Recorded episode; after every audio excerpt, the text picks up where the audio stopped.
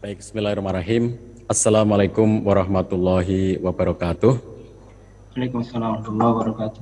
Alhamdulillahi rabbil alamin wa bihi nasta'inu ala amri wa din. Asyhadu an la ilaha illallah wahdahu la syarikalah wa asyhadu anna Muhammadan abduhu wa rasuluh la nabiyya ba'dah. Allahumma shalli wa sallim wa barik ala nabiyyina Muhammad wa ala alihi wa ashabihi ajmain wa ba'd. Sahabatku sekalian yang dirahmati Allah SWT, berbahagia sekali Allah SWT berikan kesempatan kepada kita untuk bisa melaksanakan salah satu rangkaian dari ibadah-ibadah kita kepadanya. Sahabatku sekalian yang dirahmati Allah SWT, tema kita sangat menarik pada kesempatan kali ini, bagaimana membangun komunikasi cinta dalam rumah tangga. Sebagai muslim, sahabat sekalian, seluruh landasan kehidupan kita itu selalu kepada apa yang menjadi tuntunan Allah dan contoh dari Rasulullah SAW. Maka ketika kita mengulik apa yang menjadi arahan Quran dan Sunnah Nabi Wasallam terkait dengan kehidupan pribadi, kehidupan rumah tangga, kehidupan bermasyarakat, insya Allah itu semuanya akan menjadi kebaikan bagi kita semuanya. Termasuk ketika kita sedang berbicara tentang cinta, maka tidak ada cinta yang bebas nilai. Semua yang kita lakukan dalam kehidupan itu selalu ada value, selalu ada nilai di dalamnya. Maka ketika kita membangun bagaimanakah komunikasi cinta dalam kehidupan berumah tangga, yang harus kita lakukan pertama kali adalah menguatkan fondasinya. Kita saling bisa mendapatkan suasana komunikasi cinta dengan baik itu apabila kita telah memiliki kecintaan kepada sang pemilik cinta itu sendiri, yaitu Allah taala. Suami, istri, anak-anak dalam hidup berumah tangga yang mentaati Allah dan Rasulnya. Dan itulah makna dari salah satu doa yang sering kita panjatkan kepada Allah SWT doa ibadur rahman dalam surat Al-Furqan Rabbana hablana min azwajina wa dzurriyyatina qurrata ayun waj'alna lil muttaqina imama. Ketika Imam Hasan Al-Basri ditanya tentang makna qurrata ayun apakah qurrata ayun itu urusan dunia ataukah qurrata ayun itu urusan akhirat dan Imam Hasan al-Basri mengatakan kurota ayun itu adalah urusan dunia. Kenapa dikatakan urusan dunia? Karena menurut beliau tidak ada yang lebih membahagiakan bagi orang-orang yang beriman kecuali bahwa mereka itu menyaksikan anggota keluarganya tumbuh dalam ketaatan kepada Allah SWT. Muti'inna lillahi azza wa jalla tumbuh menjadi orang-orang yang selalu mentaati Allah SWT. Itulah yang menyebabkan orang-orang beriman itu menjadi bahagia. Jadi kalau dikatakan bahwa wajah, kalau kemudian meminta kepada Allah agar menjadikan pasangan maupun anak keturunannya sebagai kurota ayun, maka kurota ayun itu yang bisa memberikan penyejuk mata hatinya, yang menyenangkan ketika dilihatnya itu adalah apabila anggota keluarga semuanya tumbuh dalam ketaatan kepada Allah SWT. Jadi ini urusan dunia, maksudnya di dunia pun kita sudah bisa merasakan kurota ayun itu bahwa mereka bahagia karena menyaksikan semua anggota keluarga itu berada dalam ketaatan kepada Allah SWT. Inilah pondasi cinta. Kalau kita bicara tentang komunikasi cinta, maka yang kita kuatkan pertama kali adalah bagaimana kita bisa mendapatkan cinta dari sang pemberi cinta, yaitu Allah SWT. Bagaimana kita bersama dengan semua anggota keluarga kita selalu berusaha untuk mentaati apa yang menjadi arahannya dan arahan Nabi Shallallahu Alaihi Wasallam. Nah kemudian sahabatku sekalian dalam kehidupan berumah tangga kita bisa mendapatkan berbagai arahan di dalam Quran maupun dari hadis Nabi Sallallahu Alaihi Wasallam dari contoh kehidupan praktis yang diberikan oleh Nabi Sallallahu Alaihi Wasallam karena kita tahu lakot kana lakum fi rasulillahi uswatun hasanah. Quran memberikan arahan-arahan guidance kepada kita, lalu Nabi SAW memberikan prakteknya. Jadi kalau kita lihat dalam Quran ada arahan-arahan tentang komunikasi suami dan istri, bagaimana relasi yang harus dibangun antara suami dan istri, maka Nabi SAW memberikan contoh dalam kehidupan praktisnya. Seperti apakah arahan-arahan Quran itu diterapkan dalam kehidupan sehari-hari. Maka berbahagia kita sebagai seorang muslim bahwa kita dalam kehidupan sehari-hari ada tuntunan dalam segala sesuatu. Kita tidak perlu mencari-cari, kita tidak perlu pusing untuk mendapatkan seperti apakah komunikasi cinta itu, karena semuanya sudah ada tuntunannya dalam Quran maupun di dalam sunnah Nabi Shallallahu Alaihi Wasallam.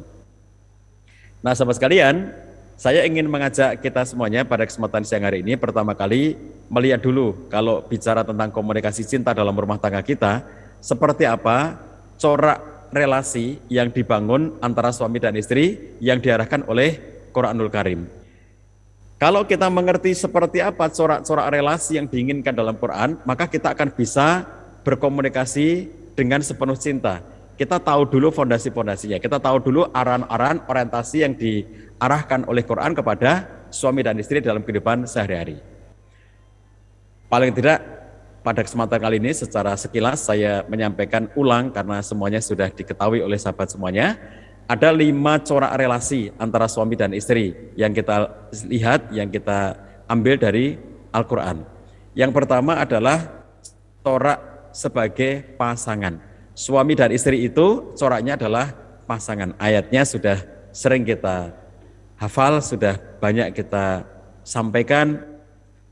A'udzubillahi minasyaitonirrajim wa min ayatihi an khalaqalakum min anfusikum azwaja litaskunu ilaiha wa ja'alna bainakum mawaddata wa rahmah. Ayat ini surat Ar-Rum ayat 21 menggambarkan kepada kita bahwa di antara tanda-tanda kebesaran Allah SWT itu adalah Allah menciptakan dari jenismu sendiri aswaja, pasangan hidupmu.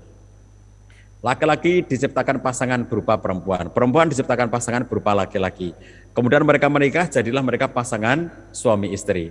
Jadi Allah Subhanahu wa taala ciptakan laki-laki dan perempuan itu format mereka adalah format berpasangan, bukan format untuk berlawanan, bukan format untuk bermusuhan. Kalau suami dan istri itu memahami bahwa format mereka itu adalah format untuk berlawanan atau format untuk bermusuhan, maka seumur hidup mereka akan bermusuhan terus. Jadi sahabat sekalian, eh, kalau Anda menyaksikan ya, misalnya di luar sana eh, ada keluarga-keluarga yang berantem, terus ada keluarga-keluarga yang ribut, terus gitu ya. Karena mereka itu tidak memahami sebagai pasangan. Mereka memahami itu sebagai lawan. Kalau mereka memahami itu sebagai lawan, maka yang akan terjadi adalah mereka selalu menyerang pasangannya karena berusaha untuk menang terhadap pasangannya itu karena lawan. Kalau kita memahami sebagai pasangan, sahabat sekalian, maka kita menyadari sepenuhnya bahwa dalam kehidupan sehari-hari antara suami dan istri itu, itu ada hal yang berbeda memang, tetapi dengan konsep berpasangan itu, perbedaan-perbedaan ini tidak menimbulkan konflik tidak menimbulkan pertengkaran yang merusak kebahagiaan keluarga itu. Konflik is okay, selalu ada dalam rumah tangga. Pertengkaran oke, okay. tapi bukan konflik yang merusak, bukan pertengkaran yang merusak. Jadi dalam kehidupan berumah tangga itu tidak ada keluarga yang tanpa konflik, tidak ada keluarga tanpa masalah, tidak ada keluarga tanpa tanpa uh, persoalan di antara mereka nggak ada ya. Semua rumah tangga ada masalahnya, semua rumah tangga ada konfliknya, semua rumah tangga ada pertengkaran di antara mereka. Tetapi kalau mereka itu memiliki relasi sebagai pasangan, maka pertengkaran itu akan mudah untuk mereka leraikan, mudah untuk didamaikan karena mereka berdua adalah pasangan, bukan bermusuhan. Bagaimana kita meletakkan diri dalam format pasangan ini, sahabat sekalian, bahwa tidak ada manusia itu sempurna itu enggak ada ya, yang apalagi manusia hidup di zaman kita sekarang ini ya, jauh dari sempurna. Seorang laki-laki itu dia adalah orang yang memiliki banyak kelemahan dan kekurangan dalam dirinya. Maka dalam pernikahan itu ya menikah dengan seorang istri yang nanti akan melengkapi kekurangan-kekurangannya, akan menutupi kekurangan-kekurangannya. Mereka saling memberi, mereka saling mem lakukan hal untuk menutupi kelemahan dan kekurangan pasangan. Seorang perempuan, dia pasti memiliki kekurangan dan kelemahan dalam kehidupannya. Begitu dia menikah dengan format pasangan, dengan memahami sebagai pasangan itu, maka suaminya bisa menutupi kekurangan-kekurangan yang dimiliki. Masing-masing dari kita semuanya itu, sahabat sekalian, kita punya kelebihan, kita juga punya kekurangan. Kita punya hal-hal positif dalam diri kita, juga punya hal-hal negatif di dalam diri kita. Nah, berpikir pasangan itu artinya kalau pasanganku punya kelemahan, maka aku berusaha untuk menutupinya dengan kelebihan-kelebihan yang aku miliki. Kalau aku punya kelemahan, maka itu akan bisa ditutupi oleh kelebihan-kelebihan yang Allah berikan kepada pasanganku. Nah, dengan cara pandang seperti ini, maka kita tidak menyerang apa yang menjadi kelemahan pasangan. Mohon maaf ya sahabat sekalian, misalnya dalam kehidupan sehari-hari itu Kalau ada suami yang lihat kelemahan pasangannya, lalu dia menyerang kelemahan pasangannya itu, menandakan bahwa mereka itu berkonsep sebagai musuh, berkonsep sebagai lawan. Ya, mengapa kamu tidak bisa memasak? Payah kamu itu perempuan nggak bisa masak. Harusnya perempuan kan bisa memasak. Titik kelemahan istrinya jangan dijadikan sebagai poin untuk diserang. Ya, jadi mestinya kalau kita memahami ada kelemahan pasangan kita, maka kita sebagai pasangannya, kalau misalnya tadi istri seorang istri tidak bisa masak gitu ya. Lalu suami apa perannya dong? Yang kemudian itu nanti akan bisa mengenapi kekurangan-kekurangan yang dimiliki oleh istrinya. Kita berpikir apa yang menjadi kelemahan kamu, apa yang bisa aku berikan untuk menggenapi, melengkapi kekurangan-kekurangan yang kamu miliki. Apa kekuranganku dan apa yang bisa kamu lakukan untukku agar aku bisa terbebas atau bisa terkurangi kelemahan-kelemahanku itu. Nah jadi selalu begitu. Kalau ada seorang suami misalnya ya, suatu ketika ini di luar sana ya, bukan terjadi di uh, antara teman-teman sekalian, bukan saya sebagai konselor keluarga di Jogja Family Center dari tahun 2000 sampai sekarang ya, 22 tahun di ruang konseling itu sangat banyak corak problematika hidup rumah tangga yang sampai kepada kami di ruang konseling. Di antaranya adalah adanya suami-suami yang kena PHK akibat dari masa pandemi sekarang ini. Jadi mereka berada dalam situasi pandemi, mereka berada dalam situasi yang sulit secara ekonomi, lalu sang suami ini dia di PHK dari pekerjaannya. Sang istri yang semula dia bekerja uh, dengan jualan sesuatu di sekitar rumahnya, nggak bisa lagi bertahan karena masa pandemi awal-awal kemarin 2020 yang pada hancur berbagai usaha itu ya. Nah begitu ngelihat suaminya ke PHK, lalu tidak ada lagi penghasilan, itu mestinya sang istri berpikir apa yang bisa dilakukan bahwa suaminya tidak lagi produktif. Jadi bukan menjadikan itu sebagai sarana untuk diserang. Payah kami itu laki-laki tidak bekerja, payah kami itu laki-laki tidak produktif, payah kami itu laki-laki tidak bisa mencukupi kebutuhan hidup berumah tangga. Kalau antara suami dan istri saling menyerang titik-titik kelemahannya, maka mereka tidak akan pernah berdamai. Justru kemudian kita memahami bahwa karena kita diciptakan dalam format pasangan, kelemahan yang ada pada pasanganku, apa yang bisa aku lakukan untuk menutupinya, apa yang bisa aku lakukan untuk menguatkannya. Apa yang menjadi kelemahanku akan bisa dikuatkan oleh pasanganku dan begitu seterusnya dalam berbagai sisi kehidupan. Jadi kalau kita berpikir sebagai pasangan itu ya sahabat sekalian, itu sudah akan banyak sekali menghindarkan kita dari titik-titik konflik yang semestinya bisa dihindari. Tadi sudah saya katakan konflik itu pasti ada dalam kehidupan berumah tangga. Pertengkaran pasti ada dalam hidup berumah tangga. Tapi sebetulnya ada titik-titik konflik atau titik-titik pertengkaran itu yang bisa dihindari.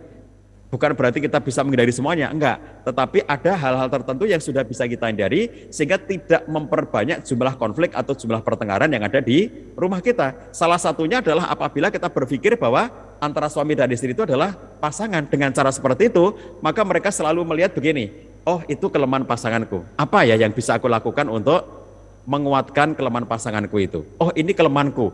Apa ya yang kira-kira bisa dilakukan oleh pasanganku agar kelemahanku ini uh, terkuatkan dan seterusnya begitu.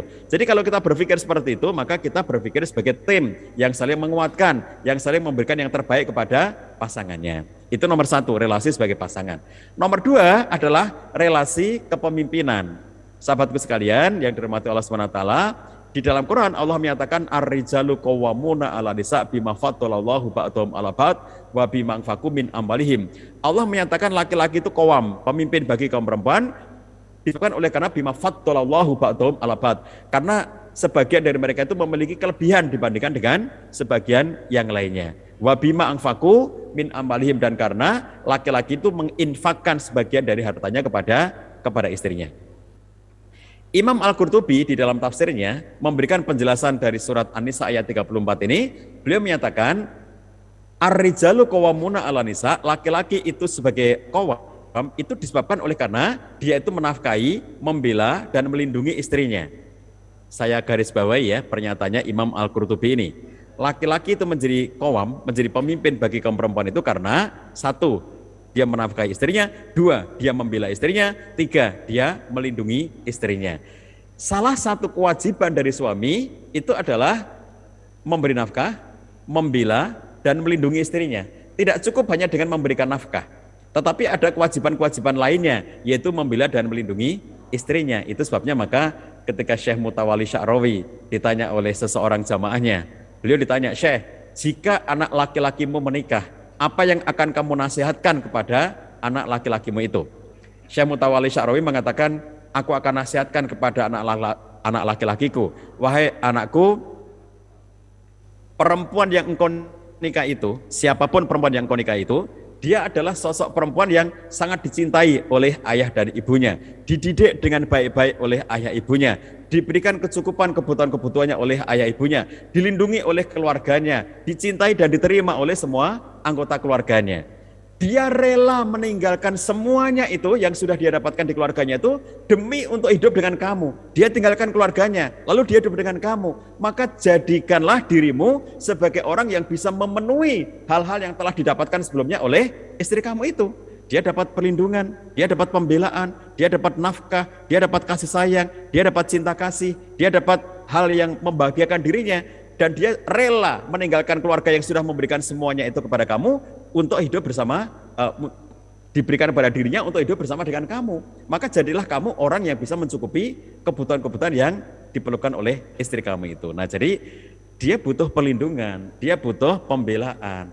Oleh karena itulah Imam Al-Qurtubi menganggap bahwa di antara kewajiban laki-laki terhadap istrinya itu dalam konteks kawam ini ya, ini bukan hanya dalam kaitan dengan nafkah, tetapi dalam kaitan dengan pembelaan dan perlindungan. Nah, oleh karena itu ketika terjadi konflik antara misalnya ya, mohon maaf, di buku saya yang terbaru judulnya Wonderful Mertua dan Menantu, saya sampaikan di sana ada banyak konflik antara menantu dengan mertua dan konflik menantu mertua yang paling banyak terjadi itu adalah antara ibu mertua dengan menantu perempuan ya. Konflik menantu mertua yang terbesar itu adalah antara ibu mertua dengan menantu perempuan. Itu studi-studinya konsisten di berbagai negara bahwa studi tentang konflik menantu mertua itu dipenuhi sebagian besarnya oleh ibu mertua yang konflik dengan menantu perempuan. Seandainya terjadi ibu mertua konflik dengan menantu perempuan, berarti kan posisi suaminya itu ya antara ibunya dengan istrinya. Ibunya konflik dengan istrinya atau istrinya konflik dengan ibunya. Nah, apa yang harus dilakukan oleh suami? Sahabatku sekalian, sebagai anak dia wajib birul walidain kepada orang tuanya, wabil khusus ibunya ummuka, ummuka, ummuka, baru abuka. Kepada siapa aku harus berbakti ya Rasulullah? Ibumu, ibumu, ibumu, baru ayahmu. Berarti dia wajib berbakti menghormati ibunya. Tetapi sebagai suami, kata Imam Al-Qurtubi, dia wajib membela dan melindungi istrinya.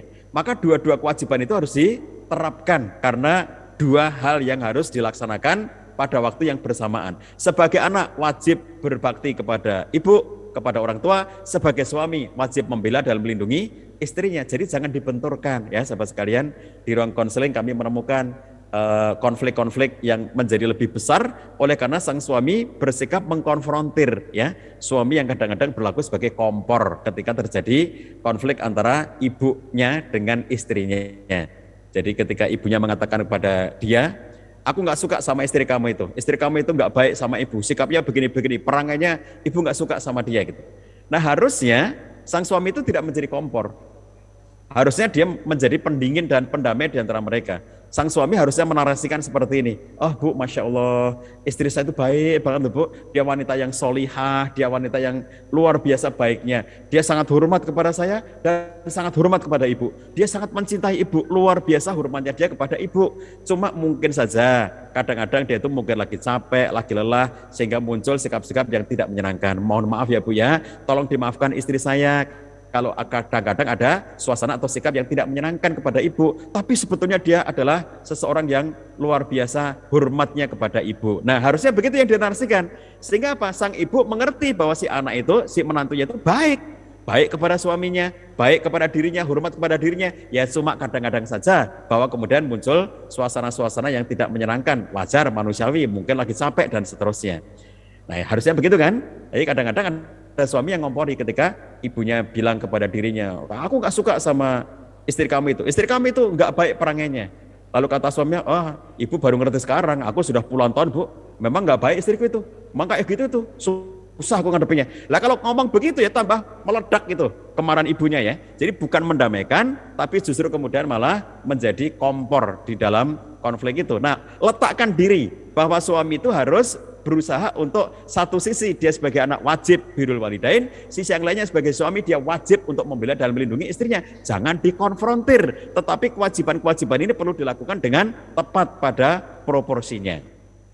Nah, Sahabatku sekalian, ketika menjelaskan tentang relasi kepemimpinan yang salah satu poinnya itu dinyatakan bima faddalallahu ba'dhum ala ba'd wa bima anfaqu min malihim, Ibnu Abbas menjelaskan derajat tingkat kelebihan yang disebutkan Allah ya bahwa laki-laki punya derajat kelebihan itu mengisyaratkan dianjurkannya kaum laki-laki untuk bergaul dengan baik, mempergauli istri dengan baik, bersikap lapang terhadap istri dalam dalam harta dan akhlak pemurah kepada istrinya, baik kepada istrinya, suka ngasih kepada istrinya, tidak pelit kepada istrinya, dan akhlaknya baik kepada istrinya. Yang lebih utama ialah kata Ibnu Abbas, selayaknya suami membebani tugas terhadap diri sendiri loh, masya Allah ya. Jadi kadang-kadang kan kebalikan tuh, Kadang-kadang ada suami yang merasa karena dirinya itu ditunjuk sebagai pemimpin lalu dia berlaku otoriter, sewenang-wenang. Padahal kata Ibnu Abbas, kalaupun ada kelebihan yang diberikan oleh Allah SWT kepada kaum laki-laki, maka itu justru menjadi isyarat bahwa laki-laki harusnya malah bergaul dengan baik kepada istrinya, berlaku mulia kepada istrinya, memuliakan istrinya, berlaku lembut kepada istrinya, gitu. Bahkan membebani diri sendiri untuk pekerjaan-pekerjaan dalam rumah tangganya. Muhammad Abdul Halim Abu Syukoh dalam kitabnya Tahrirul Marafi Asri Risalah, beliau mengatakan begini, laki-laki yang memiliki kelebihan itu, baik kelebihan itu berupa jihad, kepemimpinan, atau dalam memuliakan istrinya, dan mentolerir sebagian hak yang merupakan kewajiban istrinya, seyogianya memikul beban atas dirinya sendiri. Itu, memikul beban atas dirinya sendiri. Jadi apa? Jangan suka membebani istri. Di rumah perintah sana, perintah sini. Eh kopi, eh teh, mana sarapan, mana makan siang. Itu perintah-perintah kepada istri. Yang lebih utama, kata Abu Syukur adalah berikan beban kepada diri kamu sendiri. Karena kasih sayang kepada yang dipimpin, kamu tidak melakukan hal yang semenang-menang itu, justru kamu memberikan beban itu kepada diri kamu sendiri, karena kasih sayang kamu kepada pihak yang dipimpin. Apabila kewamah, eh, kepemimpinan Arnizalu kawamuna ala nisa tadi ya. Apabila kiwamah ini memiliki kelebihan dan kemuliaan, kata Muhammad Abdul Abu, Abu Syukoh, maka itu adalah kelebihan kepemimpinan yang penuh kasih sayang dan kemuliaan memikul tanggung jawab. Masya Allah ya. Jadi apa kelebihan laki-laki itu? Kelebihan dia adalah kelebihan kepemimpinan yang penuh kasih sayang, bukan otoriter, bukan semau-maunya, dan kemuliaan dalam memikul tanggung jawab. Dijamin kalau suami-suami mempraktekkan teori ini, pasti komunikasinya penuh cinta. Dijamin kalau para suami dalam rumah tangga itu mampu bersikap seperti ini sesuai dengan arahan Quran, mereka pasti akan bisa berkomunikasi dengan penuh cinta. Kemudian yang ketiga adalah relasi kelekatan. Sahabatku sekalian, yang menarik adalah dalam Quran itu ya Masya Allah subhanallah bahwa Quran ini memang sangat indah ya. Di antaranya kita lihat dalam konteks ini.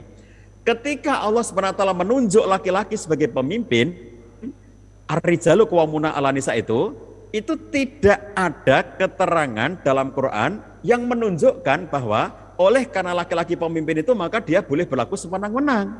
Misalnya ya, oleh karena dia pemimpin maka sifat relasinya itu adalah antara atasan dengan bawahan atau misalnya antara bos dengan karyawan atau antara majikan dengan buruhnya atau antara jenderal dengan kopralnya atau yang lain-lainnya tidak. Jadi relasi yang disebutkan dalam Quran untuk menggambarkan bagaimana suami dan istri itu ya, itu bukan relasi antara atasan dengan bawahan, bahkan relasi penuh dengan kelekatan. Ini indahnya. Satu sisi harus ada pemimpin, harus ada kawamnya. Bahaya kalau organisasi tidak ada pemimpin, bahaya kalau keluarga nggak ada pemimpin. E, cara memahami pemimpin ini sederhana ya, sahabatku sekalian, kayak yang disampaikan oleh Stephen Covey uh, ketika memahami keluarga itu seperti penerbangan pesawat dalam penerbangan itu ya. Jadi di kokpit itu ada dua orang, pilot dan kopilot. Suami itu pilot dalam penerbangan hidup berumah tangga, istri itu kopilot. Kebayang nggak kalau dua-duanya pengen jadi pilot? Dan kebayang nggak kalau dua-duanya pengen jadi kopilot? Nah sederhana tuh memahaminya. Jadi salah satu dari mereka harus ada yang menjadi pilot dan salah satu harus ada yang menjadi kopilot gitu loh. Jadi kalau kita memahami itu nggak usah berlebihan ya. Kadang-kadang ada yang protes protesnya kepada ayat Quran gitu ya. Kenapa sih laki-laki ditunjuk sebagai pemimpin gitu? Nah kalau saya memahaminya sederhana, dalam rumah tangga itu dia sebagai unit terkecil dari masyarakat, maka harus ada yang memimpin. Kalau dua-duanya pengen jadi pemimpin, berantem terus karena berebut kekuasaan. Kalau dua-duanya tidak mau jadi pemimpin, pengennya jadi kopilot semuanya, bermasalah karena tidak ada yang mengarahkan. Oleh karena itu, salah satu harus ada yang menjadi pemimpin. Allah tunjuk laki-laki sebagai pemimpin dalam kehidupan berumah tangga. Tetapi meskipun dia pemimpin tidak boleh otoriter, pemimpin tidak boleh semenang-menang, pemimpin tidak boleh semau-maunya di dalam memimpin itu itu. Relasi yang harus dibangun dengan yang dipimpin adalah relasi kelekatan. Hunna libasulakum wa antum libasulahun mereka para istri itu adalah pakaian bagi kalian dan kalian pun adalah pakaian bagi mereka. Ayat ini adalah ayat bulan Ramadan ya pas banget dengan konteks kita sekarang ini. Jadi digambarkan oleh Allah SWT, relasi antara suami dan istri itu adalah relasi yang saling lekat satu dengan yang lainnya. Jamaah sekalian, baik yang di Masjid Nurul Takwa maupun yang melalui Zoom, kita semuanya sekarang ini mengenakan pakaian. Semua dari kita mengenakan pakaian. Warna pakaian kita berbeda, jenisnya berbeda, mereknya berbeda, ukurannya berbeda, ya, coraknya berbeda. Semua yang kita pakai itu beda-beda semuanya. Tetapi dari seluruh yang berbeda dari pakaian kita itu selalu ada yang sama. Satu, yang sama adalah setiap pakaian kita itu ya, pakaian itu kalau kita kenakan selalu melekat dengan tubuh pemakainya ya. Tidak ada pakaian yang kalau kita pakai itu mengambil jarak dari tubuh pemakainya, selalu melekat. Yang kedua, kelekatan yang ditimbulkan oleh pakaian terhadap tubuh kita adalah kelekatan yang nyaman, bukan kelekatan yang menyakitkan, bukan kelekatan yang melukai, bukan kelekatan yang menyesakkan, bukan kelekatan yang menyusahkan, tetapi kelekatan yang melegakan, lekat dengan kelekatan yang nyaman. Itulah pakaian. Mengapa laki-laki dan perempuan, suami dan istri digambarkan oleh Allah SWT sebagai pakaian, sebagai libas. Karena kata Ibnu Kasir, fala ulfata baina zaujaini aqdamu mimma baina maaf, fala ulfata baina ruhaini aqdamu mimma baina zaujaini. Tidak ada persatuan kelekatan di antara dua ruh, dua nyawa yang lebih besar ikatannya itu, yang lebih kuat ikatannya dibandingkan dengan suami dan istri. Jadi kelekatan yang sangat lekat, kelekatan yang sangat intim kalau bahasanya Robert Sternberg itu intimasi, kalau bahasanya Profesor Olson adalah kohesi. Kohesi itu emotional closeness, kelekatan emosional. Suami istri itu punya kelekatan emosional yang sangat-sangat kuat, punya intimasi yang sangat intim ya, makanya dikatakan hubungan intim karena tidak ada yang punya hubungan intim kecuali suami dan istri. Orang tua dengan anak saja tidak punya hubungan intim, tetapi yang punya hubungan intim hanyalah suami dan istri. Makanya digambarkan dengan dengan pakaian karena itu yang paling tepat untuk menggambarkannya. Jadi kalaupun ada kepemimpinan itu tidak ada penindasan. Kalaupun ada kepemimpinan itu tidak ada kesewenang-wenangan. Kenapa? Karena mereka itu pakaian yang saling melengkapi tapi satu dengan yang lainnya. Yang saling memberikan rasa nyaman satu dengan yang lainnya. Dijamin ya sahabatku sekalian ayah bunda semuanya kalau suami dan istri itu menerapkan konsep ini komunikasi dalam rumah tangga mereka pasti penuh cinta. Kenapa? Lekat satu dengan yang lainnya ya. Lekat satu dengan yang lainnya nyaman satu dengan yang lainnya. Dan kelekatan ini intimasi ataupun bonding ataupun dikatakan sebagai uh, kohesi dalam bahasanya Profesor Olson itu adalah hal yang sangat membuat interaksi suami istri itu menjadi nyaman, kuat, lekat dan nyaman. Jadi kalau kita perhatikan ada hubungan-hubungan ya antara suami dan istri itu di luar sana yang tidak nyaman, hubungan yang saling menyakiti, hubungan yang saling melukai, hubungan yang saling menyesakkan. Suami kalau ngelihat istrinya sesek dia, sesak nafas itu gara-gara ngelihat istrinya. Istri ngelihat suaminya pulang sesak nafas dia. Itu hubungan yang saling melukai, hubungan yang saling menyesakkan. Mestinya hubungan antara suami dan istri itu lekat, menyenangkan, kelekatannya kelekatan yang nyaman. Nah, berikutnya sahabat sekalian, di antara corak relasi antara suami dan istri itu adalah relasi yang bercorak kesenangan-kesenangan. Jadi ada relasi kesenangan yang harus dibangun oleh suami dan istri. Ketika kita berbicara tentang relasi-relasi ini memang ada yang bercorak ideologis seperti misalnya kepemimpinan itu sesuatu yang sangat besar gitu ya temanya gitu. Tetapi juga dalam hidup berumah tangga itu ada hal-hal yang harus dibangun dengan saling memberikan kesenangan antara satu dengan yang lainnya. Allah SWT menyatakan dalam surat Al-Baqarah 223, Nisa hukum harsulakum, fa'tu harsakum annasyitum. Jadi ketika Allah SWT menggambarkan istri itu adalah harsulakum, harsun, ladang, ya tanah tempat bercocok tanam. Maka faktu harsakum, datangilah uh, tempat bercocok tanam kalian itu ya, itu dari arah mana pun yang kalian sukai. Jadi ini adalah isyarat laki-laki dan perempuan ketika mereka menjadi suami dan istri itu mereka bebas, mereka boleh melakukan interaksi-interaksi untuk kesenangan mereka yang kalau dalam bahasa Arabnya disebut dengan mubasyarah. Mubasyarah itu eh, interaksi-interaksi yang melibatkan kulit ya. Kulit ketemu kulit itu mubasyarah. Jadi suami dan istri yang berinteraksi, kulit ketemu kulit satu dengan yang lainnya, dan itu dihalalkan di dalam Islam dengan cara apa pun yang kalian mau. Ya, para ulama memberikan batasan bahwa semuanya boleh, ya, kecuali yang dilarang. Nah, yang dilarang itu sedikit, ya. Jadi interaksi suami dan istri itu pada dasarnya hukum asalnya adalah boleh, mau ngapain saja boleh antara suami dan istri. Yang dilarang itu sedikit banget, ya. Yang dilarang sangat sedikit. Misalnya para ulama menjelaskan kalau berhubungan itu, mohon maaf, uh, di luar yang dibolehkan, misalnya mohon maaf melalui anus, nah itu yang dilarang. Atau misalnya ketika berhubungan saat uh, istrinya menstruasi, itu juga dilarang. Nah di luar itu itu tidak dilarang ya.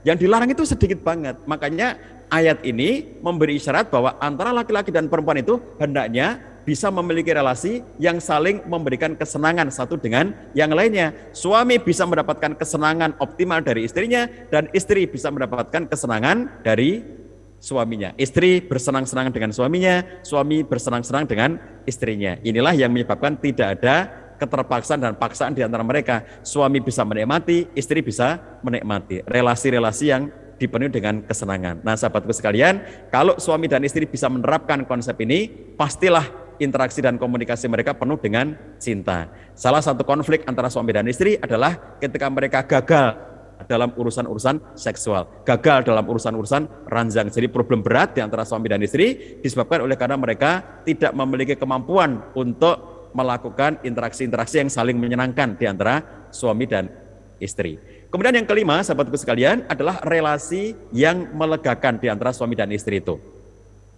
Kalau kita lihat di dalam surat An-Nisa ayat 19, ayat yang sangat panjang ini ya, kita bisa mendapatkan lima poin penting dari ayat ini. A'udzubillahi minasyaitonirrajim. Bismillahirrahmanirrahim. Ya ayyuhalladzina amanu la yahillu lakum antari sunisa akarha wala ta'duluhunna litadhabu bi ba'di ma illa ayatina bi fahishatin mubayyinah wa ashiruhunna bil ma'ruf fa in karitumuhunna fa asa syai'a wa yaj'alallahu fihi khairan katsira. Wahai orang-orang yang beriman, layahidu lakum tidak halal bagimu antari sunisa akarha untuk mempusakai perempuan dengan jalan paksa. Jadi dulu di masa jahiliyah, kalau ada perempuan yang ditinggal mati oleh suaminya, maka perempuan ini jadi bahan rebutan di antara laki-laki yang ada di sekitarnya. Langsung diambil menjadi istrinya tanpa ditanya-tanya, mau nggak sama aku? Nggak ditanya, langsung diambil sebagai istrinya, rebutan di antara mereka. Kemudian ayat berikutnya, wala ta'duluhunna, jangan kamu menyusahkan, jangan menyempitkan, jangan menyesakkan mereka. Litat habu biba dimah atitumuhun. Jadi pada waktu itu orang-orang jahiliyah itu setelah mengambil paksa e, perempuan ya yang tidak ditanya-tanya tadi, lalu kemudian setelah itu dia melepaskan. Jadi diceraikan dengan semena-mena gitu ya. Begitu dia bosan dicerai aja dengan semena-mena.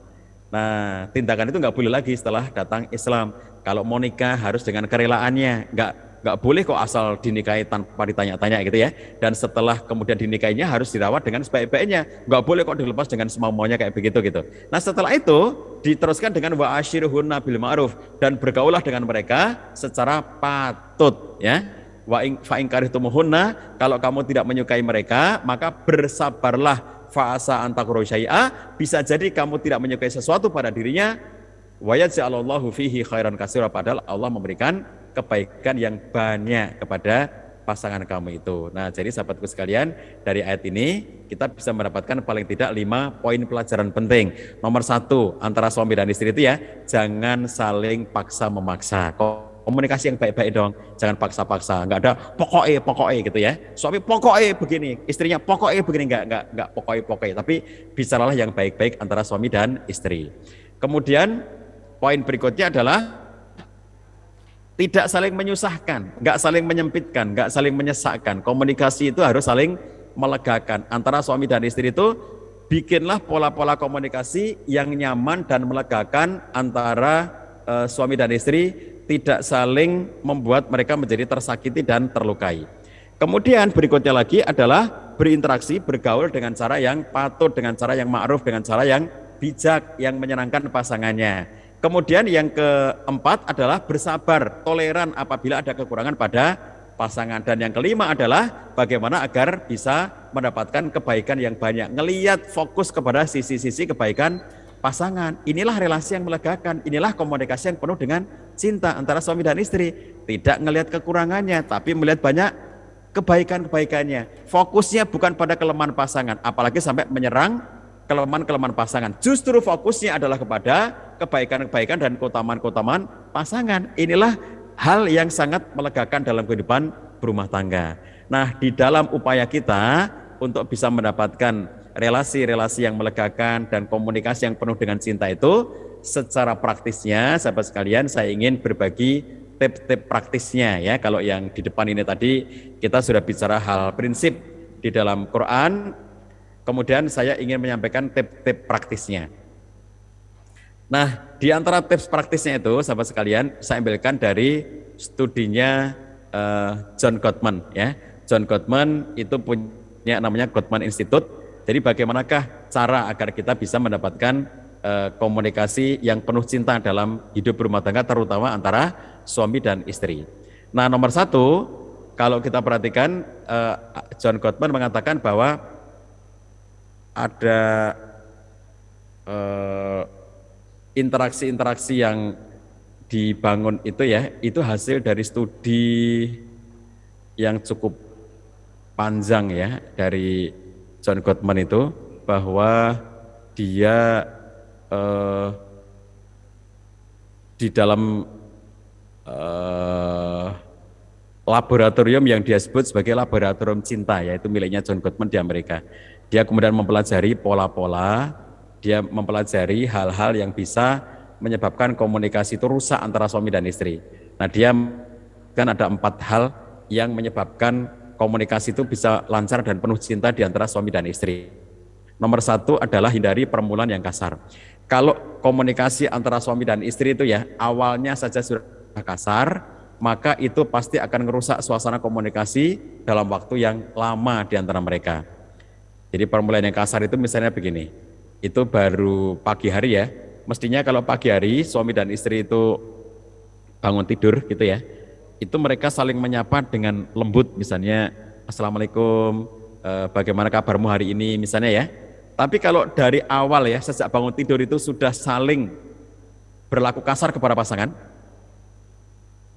dari pagi-pagi itu sudah banyak eh, hal-hal yang dilakukan dengan tidak nyaman kepada pasangannya ya, mengkritik pasangannya atau mencela pasangannya, maka itu akan menyebabkan permulaan yang tidak nyaman. Jadi kalau satu hari itu awal paginya itu komunikasi mereka tidak nyaman, itu bisa berpengaruh secara panjang sampai dengan akhir hari nanti malam. Jadi makanya pagi hari itu upayakan ya dari awal bangun pagi suami dan istri itu sudah menghindari permulaan-permulaan yang kasar hendaknya mengawali komunikasi itu dengan kelembutan antara suami dan istri Kemudian yang kedua, kata Gottman itu hindarilah empat pemisah jarak. Dia menyebutkan ini dengan empat penunggang kuda. Saya bahasakan dengan empat pemisah jarak.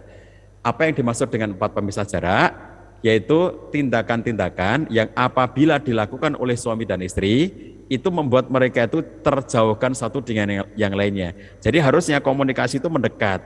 Tetapi kalau kemudian mereka punya empat eh, perilaku ini, menyebabkan mereka menjadi uh, jauh satu dengan yang lainnya, menjauh satu dengan yang lain.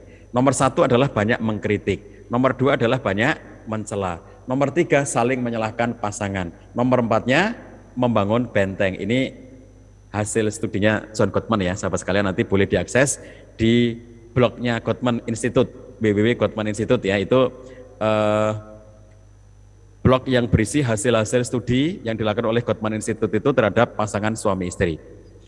Ternyata banyak mengkritik antara suami dan istri itu negatif. Kritikan itu bermakna menjauhkan. Suami yang sering mengkritik istrinya, istri menjauh. Istri yang banyak mengkritik suaminya, suami menjauh. Jadi kalau suami dan istri itu saling mengkritik satu dengan yang lainnya, mereka tidak saling mendekat tetapi mereka saling menjauh. Berarti komunikasi mereka pasti bermasalah dan tidak akan ada cinta dalam komunikasi di antara mereka.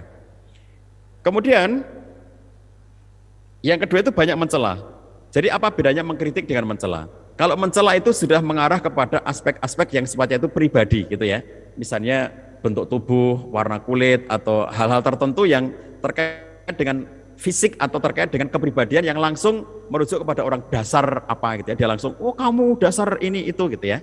Dari kata-kata yang tidak menyenangkan itu celaan-celaan ya. Itu sudah lebih dahsyat daripada mengkritik. Mengkritik itu jelek, ditambah dengan mencela, tambah jelek. Sudah begitu yang ketiga menyalahkan pasangan. Itu semuanya gara-gara kamu. Eh, bukan aku, tapi kamu. Suami nyalahkan istri, istri nyalahkan suami. Saling menyalahkan. Kemudian berikutnya nomor empat, kata Goodman adalah membangun benteng. Apa yang dimaksud dengan membangun benteng? Yang dimaksud dengan membangun benteng adalah suami dan istri yang menyatakan bahwa aku itu ya kayak begini nih, aku itu nggak bisa berubah. Dari dulu aku ya memang sudah seperti ini gitu ya. Jadi satu sikap untuk menunjukkan bahwa dia tidak akan mau berubah gitu. Nah, ketika suami dan istri itu dalam kehidupan sehari-hari, dalam komunikasinya sudah dipenuhi oleh empat pemisah jarak ini, menyebabkan mereka tidak saling dekat satu dengan yang lainnya, bahkan makin lama makin menjauh satu dengan yang lainnya. Maka, sahabat sekalian, hindari kritikan antara suami dan istri ya. Makanya kalau ada istri ngomong sama suaminya, lah abang itu nggak mau dikritik, lah memang kritik itu jelek gitu ya. Jadi jangan mengkritik. Kritikan itu jelek antara suami dan istri itu. Jadi apa yang harus dilakukan? Nasihat, itulah esensi dari agama. Adinu nasihat. Agama adalah nasihat, ya. Jadi bukan adinu anakat, agama adalah kritik, bukan. Nabi SAW mengatakan agama itu nasihat. Jadi suami dan istri itu saling menasihati, bukan saling mengkritik. Kritikan itu merusak, kritikan itu akan menjauhkan. Tapi kalau nasihat akan mendekatkan, nasihati dengan cara yang baik, nasihati dengan cara yang lembut, nasihati dengan yang nyaman gitu ya. Ini kalau kita perhatikan e, misalnya bukan suami istri tapi misalnya secara umum ya. Imam Syafi'i itu pernah mengatakan begini. Kalau kamu mau mengkritik aku, lakukan ketika aku lagi sendirian Janganlah kamu kritik aku ketika aku sedang berada bersama dengan banyak orang.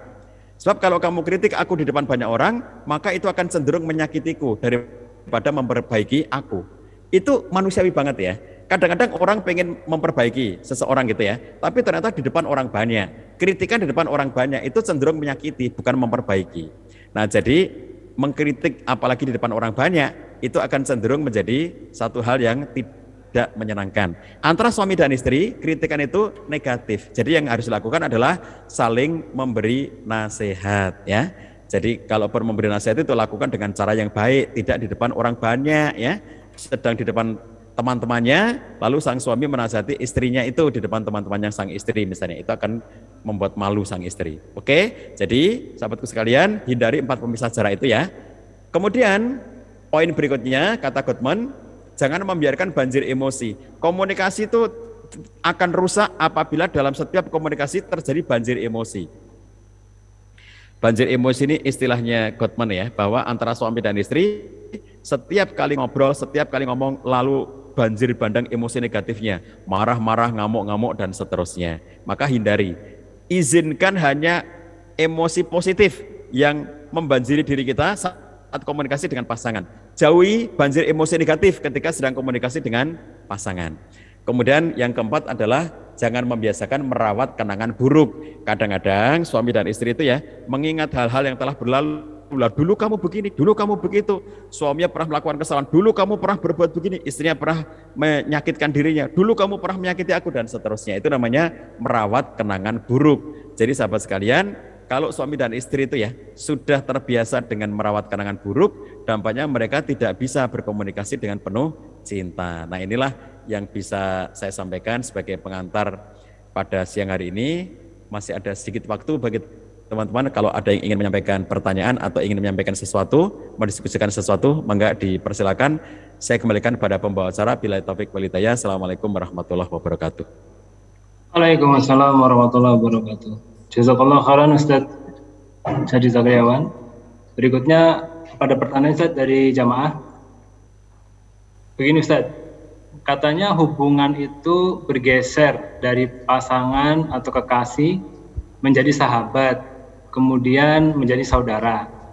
kapan ini terjadi dan apa yang berbeda dari masing-masing fase ini dan termasuk komunikasi yang seperti apa yang perlu dibangun di setiap fasenya Ustaz. Uh, sahabat sekalian tentu kita boleh ya menggunakan pendekatan-pendekatan untuk memahami corak hubungan suami istri. Ada banyak teori ya. Tentu yang disebutkan oleh Mbak Lena itu ya salah satu teori itu, tetapi dia bukan satu-satunya. Maksud saya adalah bahwa memang terjadi pergeseran-pergeseran antara uh, satu fase ke fase yang lainnya dalam kehidupan berumah tangga. Uh, tergantung cara pendekatan kita ya. Kalau menggunakan cara pendekatannya Dunlip Trough, maka ada lima fase. Kalau kita menggunakan pendekatannya Duval Miller, ada delapan fase gitu ya. Tergantung kita milih yang mana. Artinya sangat banyak perangkat teori untuk memahami perubahan-perubahan fase dalam kehidupan suami dan istri itu dan kalau kita belajar tentangnya itu bisa memberikan kemanfaatan pada diri kita. Tapi kalau secara umum ya betul bahwa semula pasangan suami istri itu seperti kekasih, yaitu ketika mereka itu pengantin baru, ketika hubungan mereka itu dalam situasi romantic love istilahnya dan lip Jadi ketika fase satu mereka itu dalam situasi bulan madu, situasinya itu adalah romantic love, mereka adalah sepasang kekasih. Tetapi semakin lama hidup berumah tangga mereka sampai akhirnya masing-masing mereka menjadi lebih senior ya dalam hidup berumah tangga itu. Saya menghindari kata tua ya teman-teman sekalian biar tidak ada yang tersinggung di antara kita. Jadi lebih senior gitu dalam hubungan uh, suami istri itu, itu nanti mereka akan bergeser menjadi sahabat. Itulah yang penjelasannya Buya Hamka antara mawadah dengan rohmah dalam Quran surat Ar-Rum yang tadi saya bacakan ya wa min ayatihi an khalaqalakum min anfusikum azwaja litaskunu ilaiha. Kemudian ada wajalna bainakum mawaddata warahmah. Buyamka dalam tafsir Al-Azhar menjelaskan mawaddah itu adalah cinta yang menggebu-gebu, cinta yang membara, cintanya anak muda, cintanya pengantin baru. Mereka adalah sepasang kekasih. Kemudian ketika mereka sudah semakin senior dalam umur, umur pernikahannya, mawadah itu berkurang. Yang akan dominan adalah rohmah. Ada mawadahnya, tetapi rohmahnya yang lebih dominan.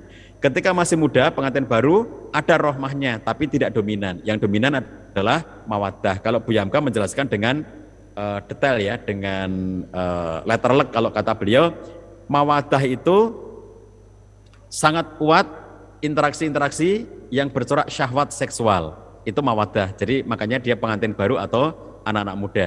Tetapi kalau dia sudah menjadi pasangan yang lebih senior usia pernikahannya, hidup itu tidak sekedar tentang seksual. Hub, hub, hubungan ya, interaksi antara suami dan istri itu tidak semata-mata hanya soal-soal pelampiasan kesenangan seksual, tetapi mereka sudah mendapatkan kesejiwaan. Di titik itulah mereka berubah sudah menjadi sahabat, ya. Jadi mereka itu menjadi sahabat yang saling curhat satu dengan yang lainnya dan saling membutuhkan satu dengan yang lainnya. Di sinilah kalau kita perhatikan rohmah itu corak interaksi suami dan istri itu cenderung menjadi sahabat yang saling menerima, saling betah berlama-lama satu dengan yang lainnya. Kalau mawadah itu corak interaksi mereka sepasang kekasih yang sangat kuat rasa cinta, eh, gejolak hasrat, eh, kerinduan, kasih sayang di antara mereka yang sangat kuat di antara suami dan istri itulah mawadah. Kalau rohmah itu adalah corak yang lebih mendalam ya. Jadi tidak lagi menggebu-gebu tetapi cinta di antara mereka berdua itu sangat mendalam. Maka mereka berdua seperti seorang sahabat, sepasang sahabat yang saling menemani ya, betah untuk menemaninya. Makanya kalau ada orang tua, mohon maaf misalnya ya, seorang laki-laki sudah tua istrinya meninggal gitu ya, kakek-kakek istrinya meninggal gitu. Lalu dia menikah lagi. Kebutuhan bagi laki-laki ini adalah mencari sahabat ya, bukan mencari kekasih. Dia mencari sahabat. Kenapa? Umur dia sudah tua sehingga yang dia butuhkan adalah dia perlu sahabat untuk menemani kehidupan di masa-masa selanjutnya. Nah, jadi seperti itu ya, bahwa bergeser interaksi antara suami dan istri itu corak-coraknya karena memang mereka uh, terus-menerus mengalami perubahan-perubahan dalam kehidupannya. Begitu, mangga kalau ada yang lainnya. Ya, baik. Berikutnya Ustaz dari Pak Hernowo. Pertanyaannya Bagaimana cara berkomunikasi yang baik kepada suami atau istri yang cenderung sering mengalah jika ada masalah dengan pasangannya, sehingga suami atau istri yang mengalah yang mengalah tidak curhat kepada orang lain selain kepada pasangannya. Sahabat sekalian, siapakah yang paling sering curhat? Itu ditanyakan dulu ya, siapa yang paling sering curhat? Kecenderungan untuk curhat itu rata-rata terjadi pada perempuan, pada istri. Beda dengan laki-laki. Laki-laki itu kalau punya masalah keluarga itu jarang curhat. Mereka tuh malu mau curhat. Ya, makanya kalau yang datang ke ruang konseling sebagian besar adalah perempuan karena yang memerlukan ruang untuk curhat mayoritasnya adalah perempuan. Nah, sekarang bagaimana caranya agar istri itu nggak curhat ke orang lain? Gampang ya. Caranya adalah jadikan suami itu tempat curhat yang baik di rumah. Sebab hampir jarang dijumpai bahwa ada suami itu curhat panjang lebar tentang masalah hidup rumah tangga itu jarang banget ya. Ada tapi jarang. Jadi yang paling sering itu adalah perempuan yang pengen curhat tentang masalah hidup rumah tangganya karena sifat dari laki-laki dan perempuan yang berbeda menurut studinya John Gray di bukunya Mars Venus itu. Kalau menurut studinya John Gray, laki-laki itu kalau ada problem dalam hidupnya, dia tertekan oleh masalah dalam hidupnya, dia akan nyaman kalau dia itu masuk ke dalam gua, berdiam ke dalam guanya, berlama-lama dalam guanya itu, maka dia merasakan ketenangan untuk tinggal di dalam guanya itu, gitu. Itu ketika eh, laki-laki uh, yang sedang berada dalam tekanan masalah. Kalau perempuan yang sedang berada dalam tekanan masalah, dia cenderung bercerita, menceritakan masalah itu kepada orang lain. Dia merasa enjoy dengan menceritakan masalah itu kepada orang lain. Jadi sahabatku sekalian, cara supaya istri itu enggak curhat ke orang lain adalah di rumah suaminya harus bisa menjadi tempat curhat yang baik untuk istrinya. Ketika istrinya pengen curhat, ditampung, didengarkan, direspon dengan positif oleh suaminya, dijamin ya, itu enggak akan ada curhat istri keluar sana. Apalagi sampai curhat ke medsos ya teman-teman sekalian, ayah bunda, bapak ibu semuanya, jangan pernah curhat di medsos. Medsos itu bukan tempat curhat apalagi kalau suami istri ya suami ngomong di curhat uh, di medsos tentang istrinya, istri ngomong di medsos tentang suaminya itu nggak patut banget ya. Konflik antara suami dan istri berbalas-balasan melalui medsosnya, saling membuat status untuk menyerang pasangannya itu nggak etik banget, nggak nggak baik banget dan itu menjadi adab yang buruk dalam kehidupan suami dan istri. Oleh karena itu antara suami dan istri itu ya, kedua-duanya itu harus saling bisa menjadi tempat curhat yang baik bagi pasangannya. Wabil khusus ya para suami agar betah mendengarkan curhat istrinya supaya apa? Istrinya tidak curhat ke orang lain. Kalau suaminya nggak bisa diajak curhat, suaminya nggak bisa menjadi tempat curhat yang baik bagi istrinya, maka kecenderungan perempuan untuk curhat kepada orang lain itu sulit untuk ditahan. Ya makanya itu nggak mempan dengan ancaman. Awas kalau kamu cerita-cerita ke ini mau berangkat ngaji ya ke majelis taklim. Terus ada masalah antara suami dan istri. Suaminya pesan dari rumah, awas kalau kamu nanti cerita-cerita sama ustazahmu. Sambil berangkat istrinya, enggak kok, aku enggak cerita sama ustazah, aku cuma cerita sama teman-teman sepengajian kok, gitu. Jadi enggak bisa diancam gitu. Kamu enggak boleh juga cerita sama teman-teman pengajian. Enggak kok, aku enggak cerita ke semua orang kok, cuma cerita sama satu orang aja teman pengajianku itu. Enggak bisa di enggak bisa di uh, larang ya kalau di rumah tidak mendapatkan tempat curhat. Oleh karena itulah suami jadilah tempat curhat yang baik untuk istrinya. Dan para istri, kalaupun muncul kecenderungan curhat yang tinggi, sementara suaminya belum bisa menampung curhatnya, jangan curhat sembarangan. Karena itu akan membuka aib dan itu tidak dibolehkan dalam Islam. Kemudian juga semakin memperluas medan masalah Anda. Semacam itu. Maka kalau masih ada, silakan. Assalamualaikum, terima kasih Ustadz kesempatannya nama saya yeah. Pras.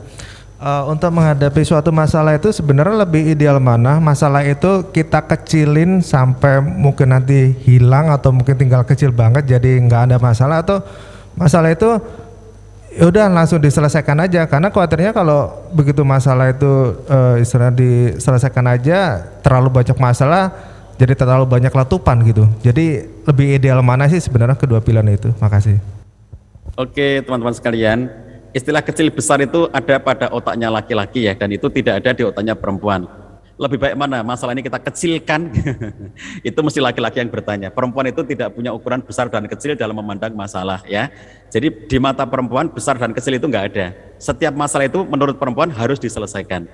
Kalau laki-laki timbang-timbang dulu, ini besar apa kecil. Kalau besar ayo kita diskusikan, kalau kecil ayo kita abaikan. Perempuan nggak bisa begitu itu, ya. Jadi makanya besar kecil itu mesti ada di pikirannya laki-laki dan itu tidak ada di pikirannya perempuan. Oleh karena itulah, kalau ingin menyelesaikan masalah itu ya, kita eh, nomor satu berpikir untuk menyelesaikan hal-hal yang rutin. Jadi gini, hal-hal yang rutin itu. Kalau komunikasi bisa dibangun dengan nyaman antara suami dan istri dalam kehidupan sehari-hari dengan rutin, maka itu sebetulnya sudah bisa menyelesaikan banyak masalah. Seorang istri bercerita ke saya, ya ada istri yang datang ke ruang konseling dan bercerita ke saya, Pak Cah, setiap kali ini orang LDR ya, uh, suami dan istri pisah karena suaminya kerja di satu kota, istri uh, istrinya tinggal di kota yang lainnya. Setiap kali saya itu uh, ditinggal oleh suami sedang LDR itu, banyak banget yang saya itu ngerasa harus diselesaikan dengan suami. Problem ini, problem itu, kita komunikasi nggak lancar selama masa LDR itu.